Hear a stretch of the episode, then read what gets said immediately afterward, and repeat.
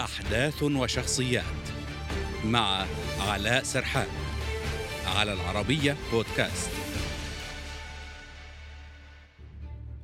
نظام أفنجر أو ما يسمى بالمنتقم. نظام دفاعي جوي أمريكي قصير المدى يملك ميزة إطلاق الصواريخ أثناء الحركة ويعتبر عدو المروحيات الأول.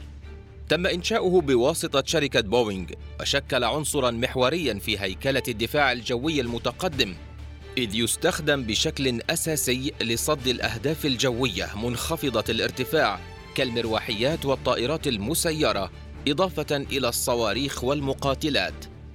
يحمل النظام على مركبات هامفي متعددة المهام ويحوي ثمانية صواريخ أرض جو من نوع ستينجر موجهة بالأشعة تحت الحمراء. يبلغ مدى هذه الصواريخ حوالي ثمانية كيلومترات فيما تصل سرعتها إلى نحو تسعة آلاف كيلومتر في الساعة. وتضم المنظومة أيضا رشاشات ثقيلة عيار 12.7 ملم لزيادة كثافة النيران ونظاما إلكترونيا للتحكم عن بعد.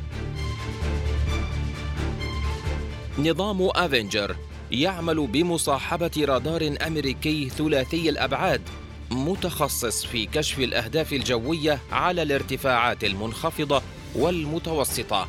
يبلغ مدى الرادار 76 كيلومترا ويحوي نظاما إلكترونيا مضادا للتشويش ونظام حماية مضادا للصواريخ بالإضافة إلى نظام تعريف العدو والصديق. افنجر أيضا مزود بنظام كشف بالأشعة تحت الحمراء بجانب نظام تحديد مدى ليزري ونظام فيديو للتتبع الأوتوماتيكي.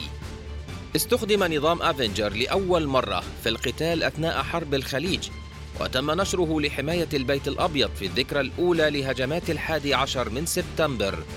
كما تم استخدامه على نطاق واسع خلال الصراعات في العراق وأفغانستان.